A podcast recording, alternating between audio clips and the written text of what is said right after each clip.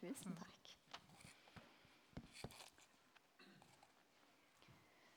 Skal vi se Hallo. God kveld. Guds fred i huset. Ikke det de sier? Der kom bildet. Så skal jeg trykke på den. Mm. Eh, takk for sist. Jeg var her en gang før. Og eh, det er vel rundt et års tid siden nå, tror jeg. gjerne. Og takk for tilliten og spørsmålet om å komme her til. Jeg syns det er skikkelig gildt å komme, gildt å se dere. Eh, så takk for det. Fantastiske lovsang. Og, mm, det er heldige her på Vigrest. Ja, jeg er Elisabeth. Om ei uke ble jeg 38 år. Så eh, utenom det eh, så er jeg gift med min kjære Gudmund her. Vi hadde nettopp eh, 16 års bryllupsdag, faktisk. Ganske bra. Og i den anledning så bestilte vi oss en helgetur. til en konferanse i Nederland om endetida.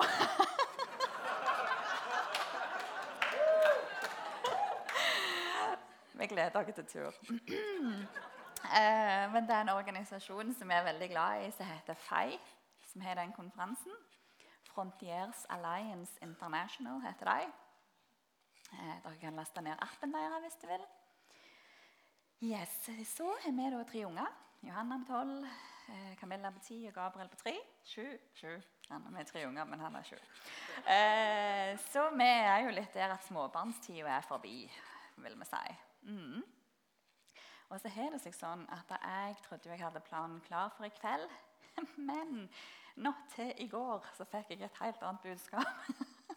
så, så Gudmund han heiv ungene i bilen og hykte på campingvogna og reiste til Bjerkreim. Sånn at jeg fikk litt tid, for jeg bruker så lang tid på, på ting ned.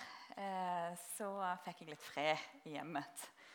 Så kom han hjem og var med meg, så det er gildt. Så det er godt med en mann som forstår hva kona trenger. Ja.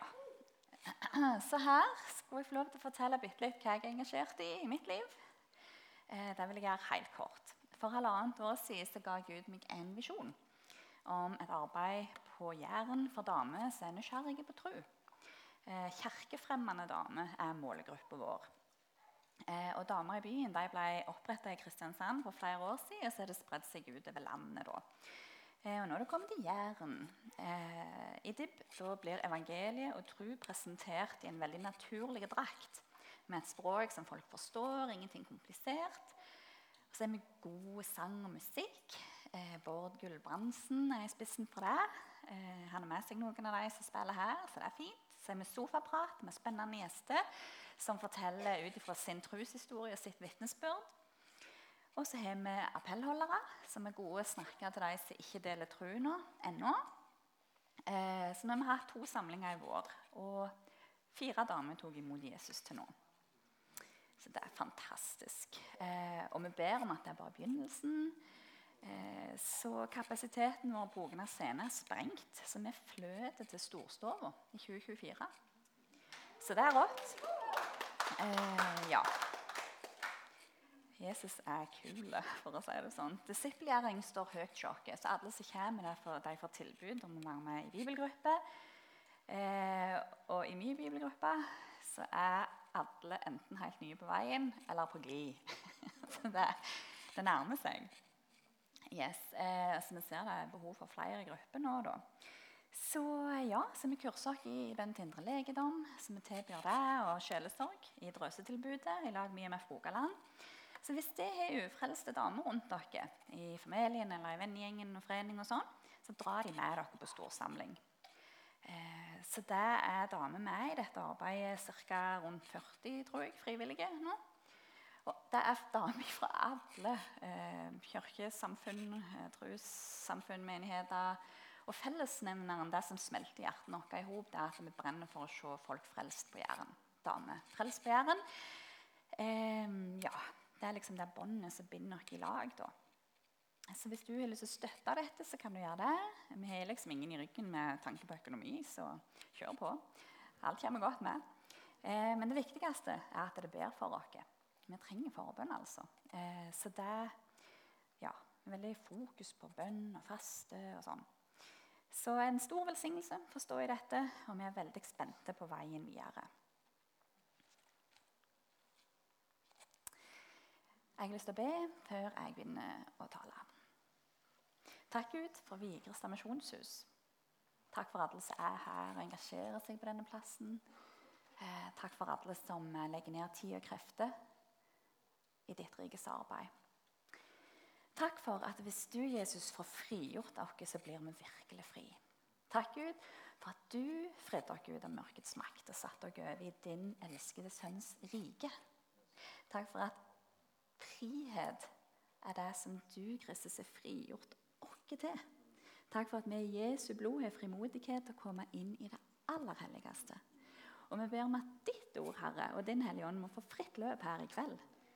Um, takk for at ditt rike skal få komme, og din vilje skal få skje i kveld. Så ber jeg Jesu blods beskyttelse over stunda, over huset her, oss alle og heimen vår. Og så bare sier jeg velkommen, Hellige Ånd. Gjør i oss det som bare du kan gjøre. Pust over denne forsamlingen, pust liv i oss. Velsign oss, bevare oss. I Jesu navn. Amen. Ja De siste åra har Gud tatt meg gjennom ja, to nokså sånn parallelle prosesser. om du kan si det sånn. Den ene prosessen var at eh, jeg fikk en gjenoppdagelse i hva evangeliet handler om. Den eh, gode nyheten om at Jesus er synderens venn. Den andre prosessen var at jeg måtte gi opp meg sjøl og gi alt over til Jesus på nytt.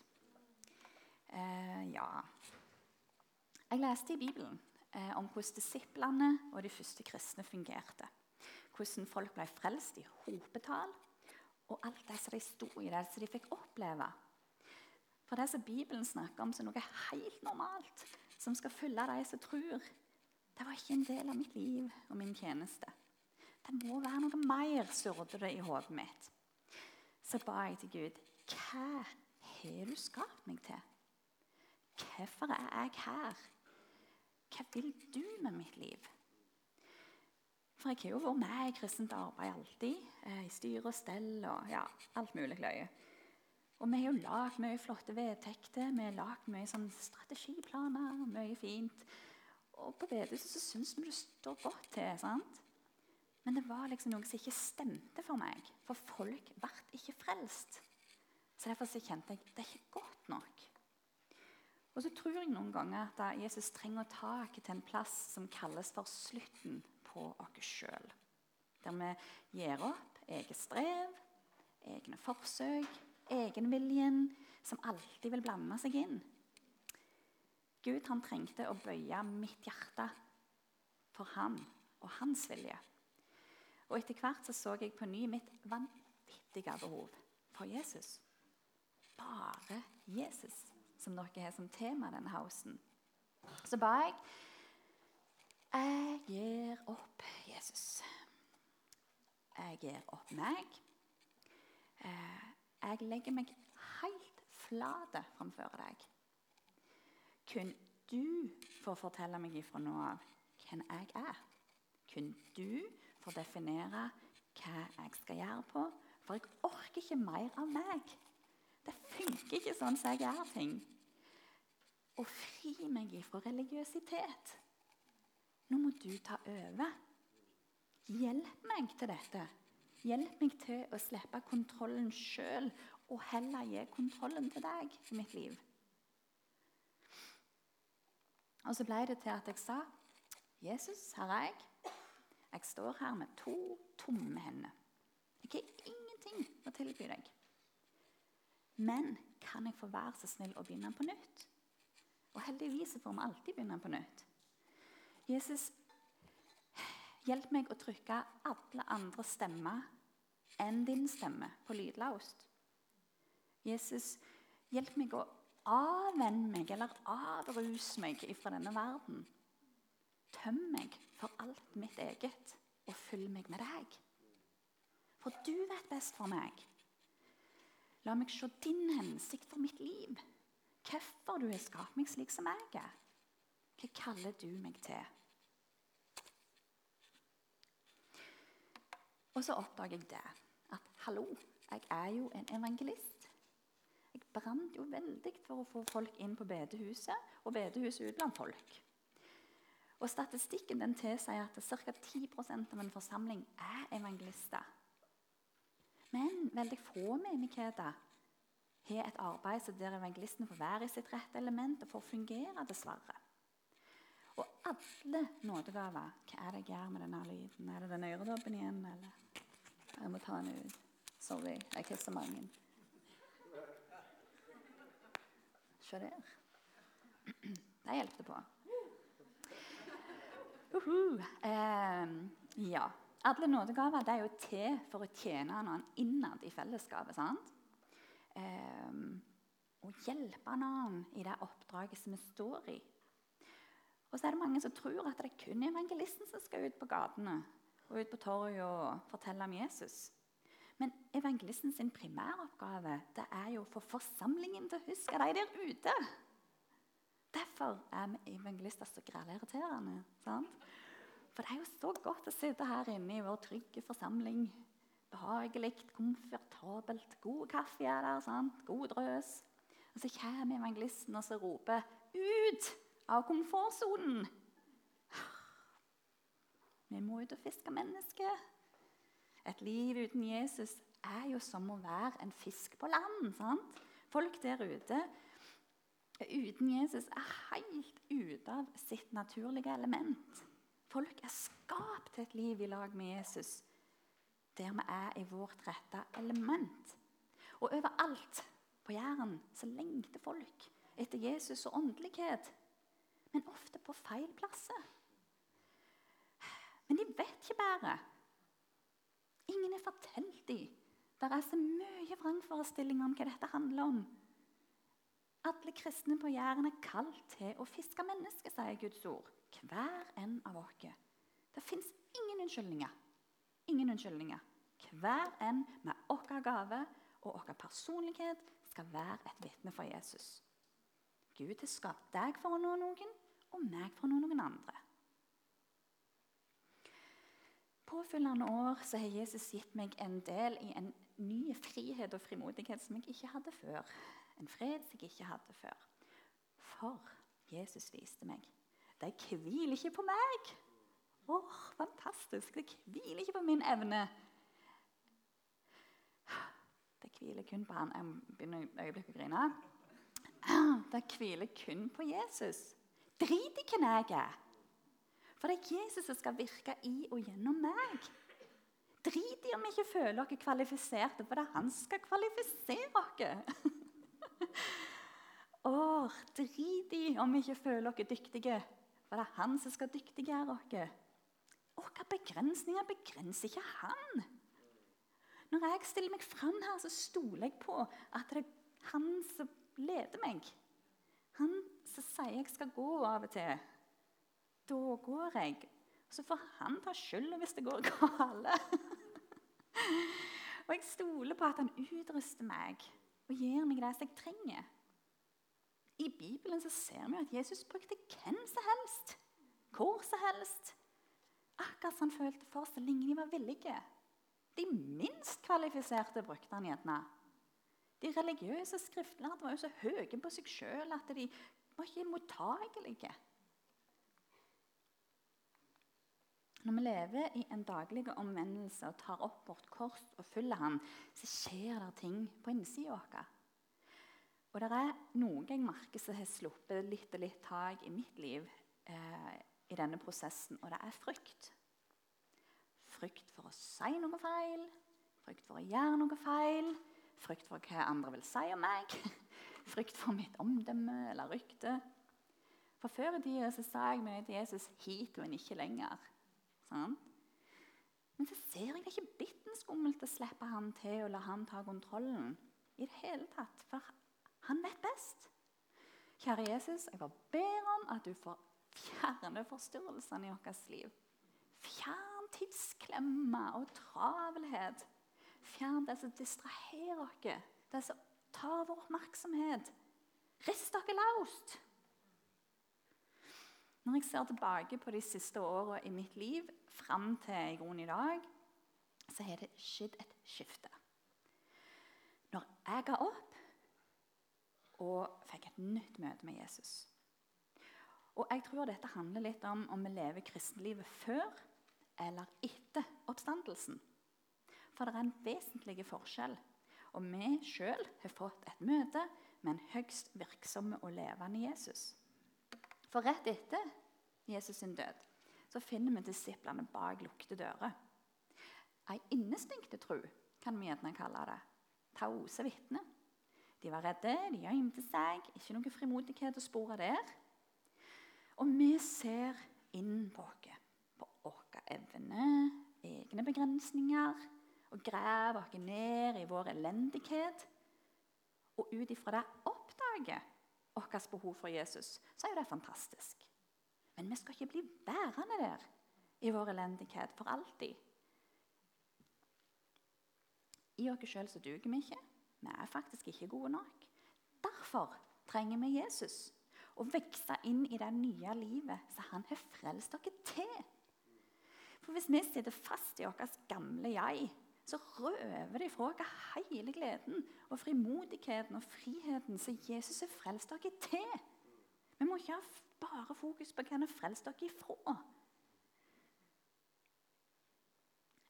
Så får disiplene møte en oppstått og lys levende Jesus. Det gikk ikke opp for dem at Jesus lever i begynnelsen. Jeg ville mest si de var litt trege. For i deres øyne var jo dette helt umulig. Ufattelig. Og så sånn tenker jeg litt at jeg og sikkert andre har det litt til tider. At ting stopper opp. For vi skal prøve å forstå hvordan og hva i det som Jesus vil gjøre gjennom oss og i oss. Så begrenser vi Gud. For vi alltid skal forstå før vi handler. Vår fornuft står veldig ofte i veien for det som Jesus vil gjøre. Men vi ser ikke det store bildet slik han gjør. Nei, på Vigeland så sier de vi må tro på, og så må vi stole på, og så må vi gønne på. Gå i tru, gå på vannet og stole på at det heller. Disiplene de fikk en før- og etter oppstandelsen-opplevelse. Og det førte til en transformasjon i deres liv. Et skifte. Når de møtte en oppstått Jesus Kristus. Og Da forstår de at alt Jesus har sagt om seg sjøl, er sant. De går ifra mismodighet til frimodighet. De går ifra frykt over til fred. De går ifra uro over til ro. De går ifra ei innestengte tro til ei åpenlyse tro. De går ifra ei synlig tro til ei synlig tro. Og etter hvert så var de ikke til å kjenne igjen. Hva som har skjedd? Og se, jeg sender over dere det som min far har lovet. Men dere skal bli i byen til dere blir utrustet med kraft fra det høye. Men dere skal få kraft når Den hellige ånd kommer over dere, og dere skal være mine vitner i Jerusalem og hele Judea, i Samaria og helt til jordens ende. Når Jesus reiste til himmelen, så skulle disiplene overta stafettpinnen og spre evangeliet videre. Men disiplene måtte bli utrusta med kraft før de kunne gjøre noe som helst. På pinsedag så fikk disiplene da og alle disipler i ettertid tilgjengelig en kraft som overgår all vår forstand. Og denne kraften er vi helt avhengige av å leve i hvis vi skal fungere som Jesu disipler på Jæren i 2023.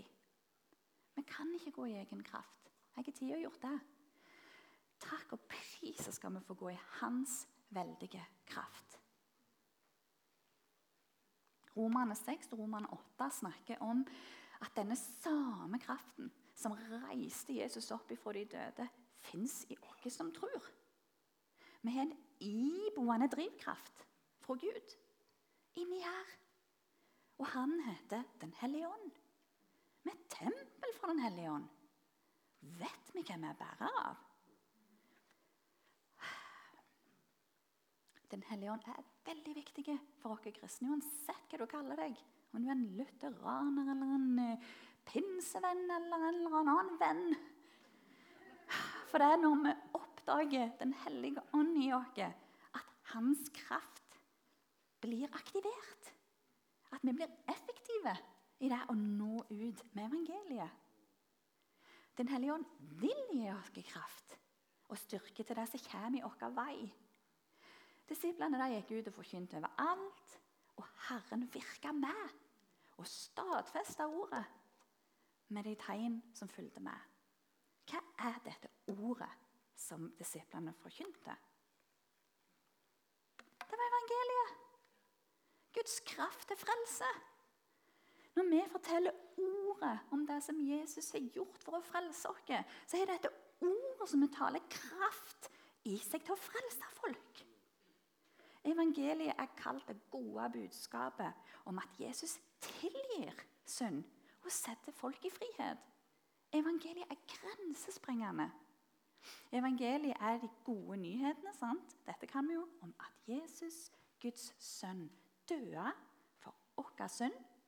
Han sto opp igjen. Han overvant dødens makt. At nå er det ikke fordømmelse for oss for det galne vi gjør, for vår synd. Der er evig liv i vente. Ordet påtok seg kjød, sa de gamle. Jesus kom til vår jord for å være vår stedfortreder og tok vår straff og skyld på seg. Det helvete som vi fortjener. Alt det galne vi gjør, det tok han på seg. Så vi går fri. Fatter vi det? Helt vanvittig. Når vi leser i Bibelen, når disiplene forkynte, så fokuserte de på omvendelse fra synd til Gud.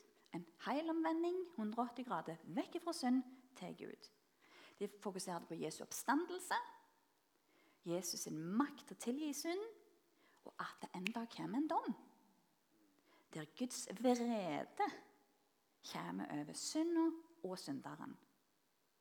Vi må forkynne at det går an å unnslippe Guds dom og vrede. Gud i sin kjærlighet har en vei ut. Jesus er veien. Han er sannheten og livet for folk. La oss ikke skamme oss over dette. Vi må forkynne det som disiplene gjorde. Vi må oppdage evangeliet på nytt for oss sjøl. For vi vet jo at når vi oppdager et godt budskap, så klarer vi jo ikke å holde det for oss sjøl.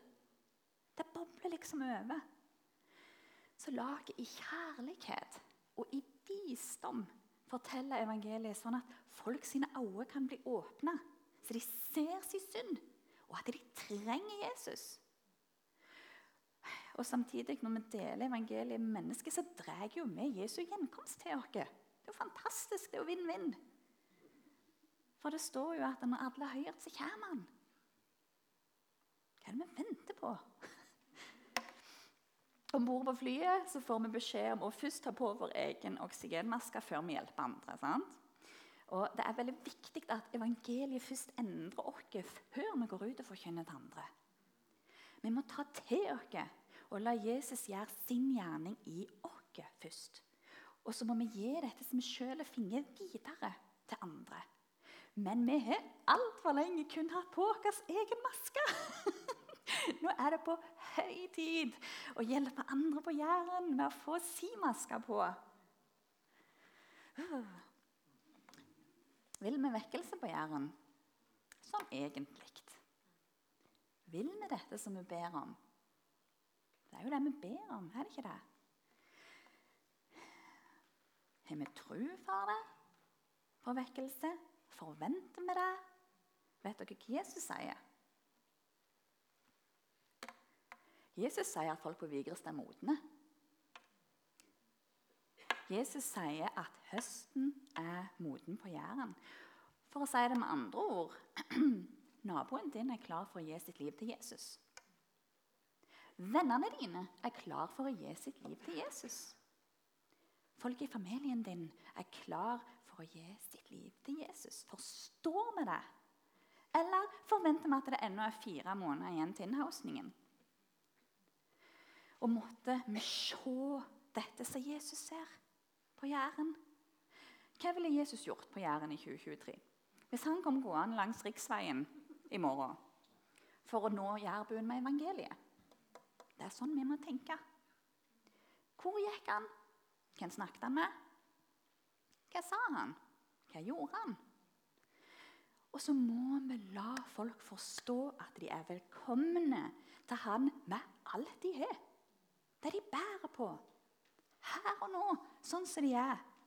Folk trenger ikke kvitte seg med søppelet sitt og driten sin for å så komme til Jesus. De skal få komme til Jesus med alt de er og har, med hele driten. Alt synd, alt elendighet. Og så er det han som skal ta det vekk. Han lengter etter å gi folk på Jæren sin tilgivelse. Å få rensa dem, å få leke dem, helbrede folk og lappe folk i hop. Det er kun Jesus som kan gjøre det. Bare Jesus. Det er bare sånn han er. Og det er sånn han gjør. Og så må vi kristne, meg og dere, stadig spørre oss sjøl Funker det sånn som vi driver på i dag? Blir folk frelst på Jæren i dag?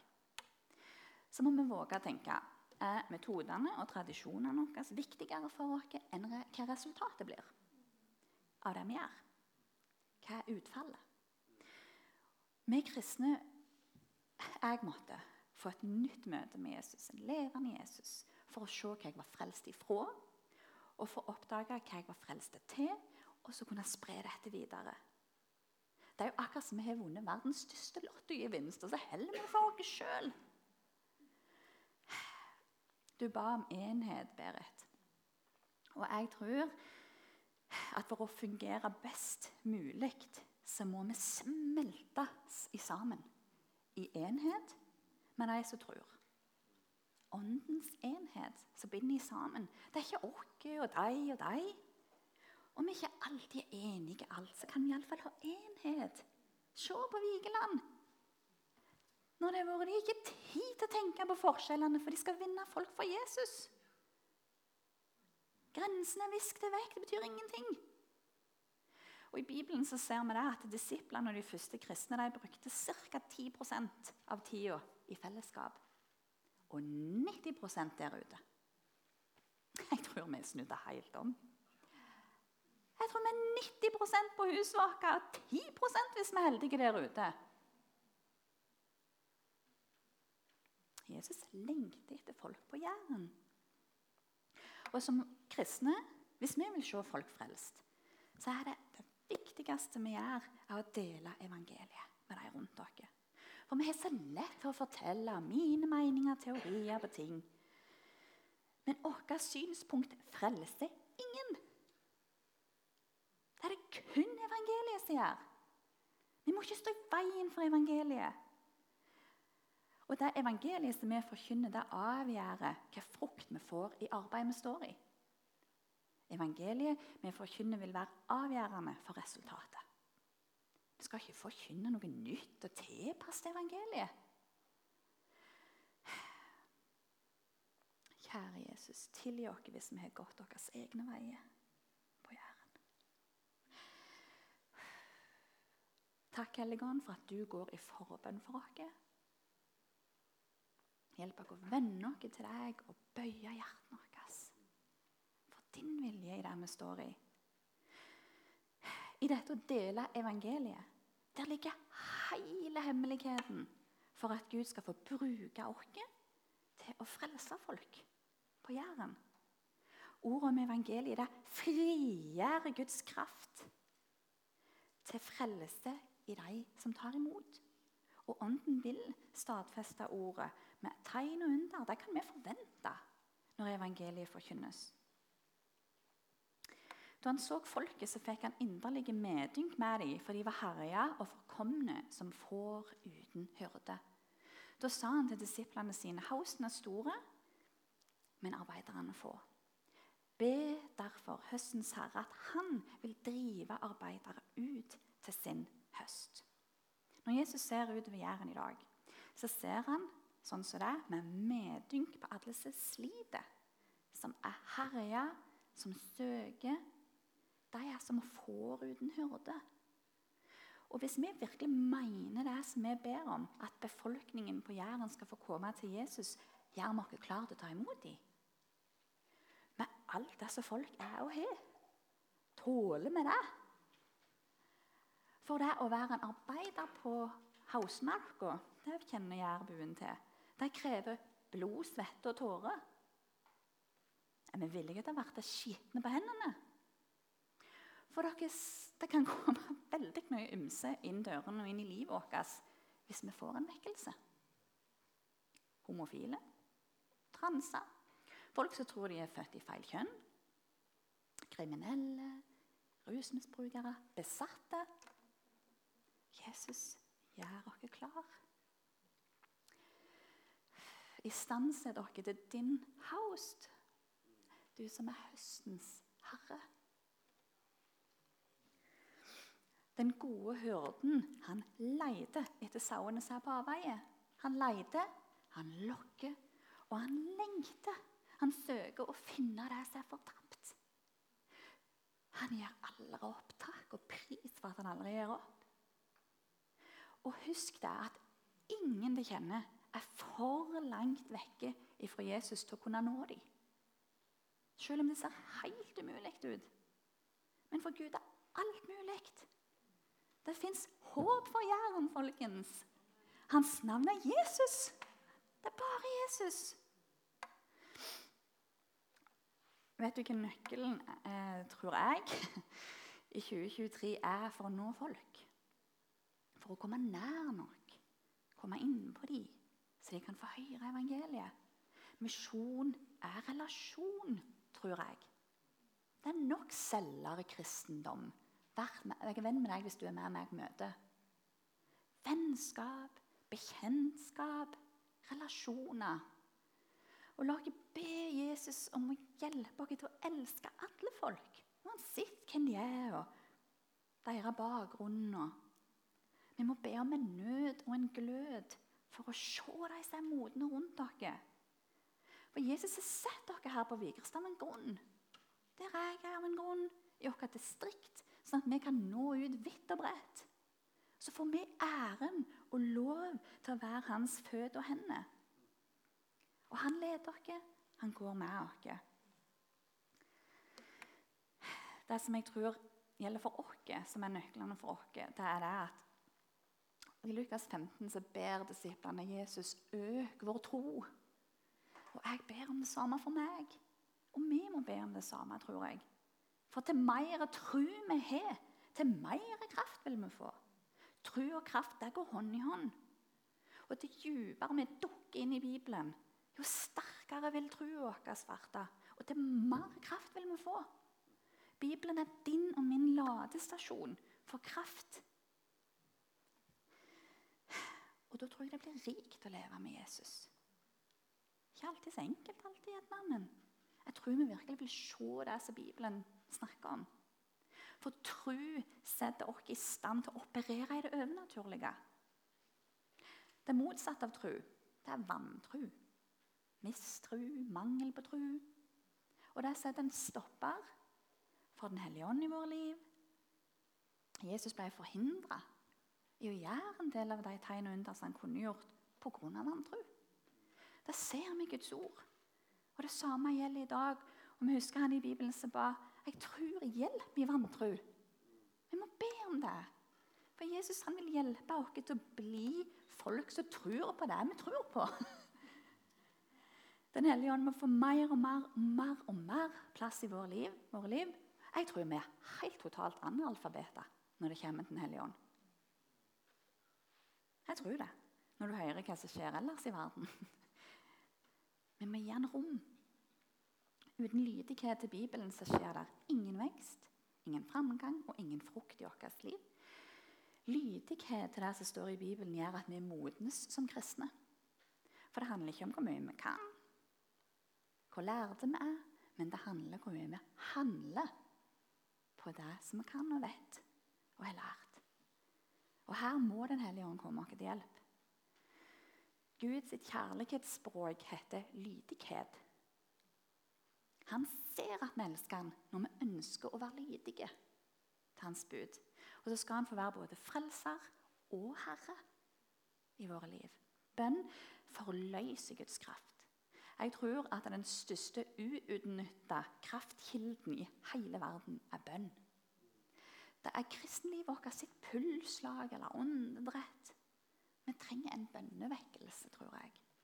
Vi må på kne, folkens. Og rope til Gud om å frelse folk på Jæren. Og når vi oppdager evangeliet, så tror jeg vi får ærefrykt for Gud. Vi får gudsfrykt. For Bibelen snakker kjempemye om gudsfrykt. Og det å frykte Gud det er faktisk befriende. For det jager vekk alt annen frykt. Satan er livredd for at vi skal oppdage dette. Han er livredd for at du og meg skal komme ut i vårt fulle potensial og bli effektive kristne som tar Bibelen på alvor. Han vil gjøre alt i sin makt for å forhindre deg å tre inn i det livet som Jesus har for deg og for meg. Ok, nå er jeg ferdig. Tenk at vi får være med på Jesus sitt lag i verdens største redningsaksjon, her som vi bor. Jeg syns det er ufattelig spennende tid vi lever i. Jeg føler at det blåser en vekkelsesvind over landet vårt. Men det begynner alltid med oss. I hele kirkehistorien er det begynt med de kristne. Sånn har det alltid vært. Og det var en som sa at de som tar imot vekkelsen, vil få han? Er vi villige til å bli hva som helst for Jesus? Skal vi slippe evangeliet løs på Jæren?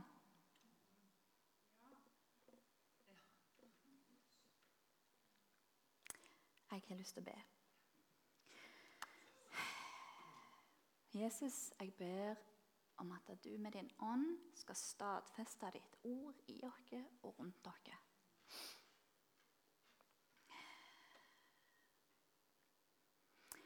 Jeg ber om et skifte i oss, sånn at vi kan ta imot vekkelsen som du vil sende. Det er bare du som kan gjøre det, Jesus.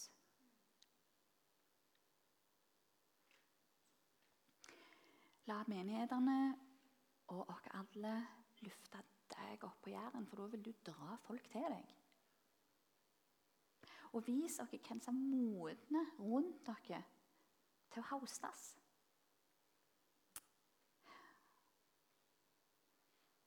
Amen.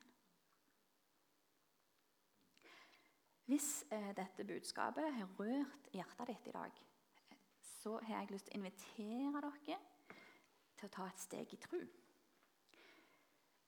Nå når de begynner å spille, så inviterer jeg dere til det er veldig kort, veldig godt komme fram til meg. Så jeg bare har lyst til å be velsignelsen over dere. Ingenting skummelt, helt ufarlig. Føl dere fri til å bøye kne. Eh, jeg synes det, det, det, skjer noe når jeg sjøl bøyer kne i bønn. En overgivelse eller en slags ydmykhet framfor Gud. Og så bare lyser jeg velsignelsen over dere. Og hvis alle vil komme, så er Gudmund med. Ja, det er veldig enkelt. Så vær frimodige.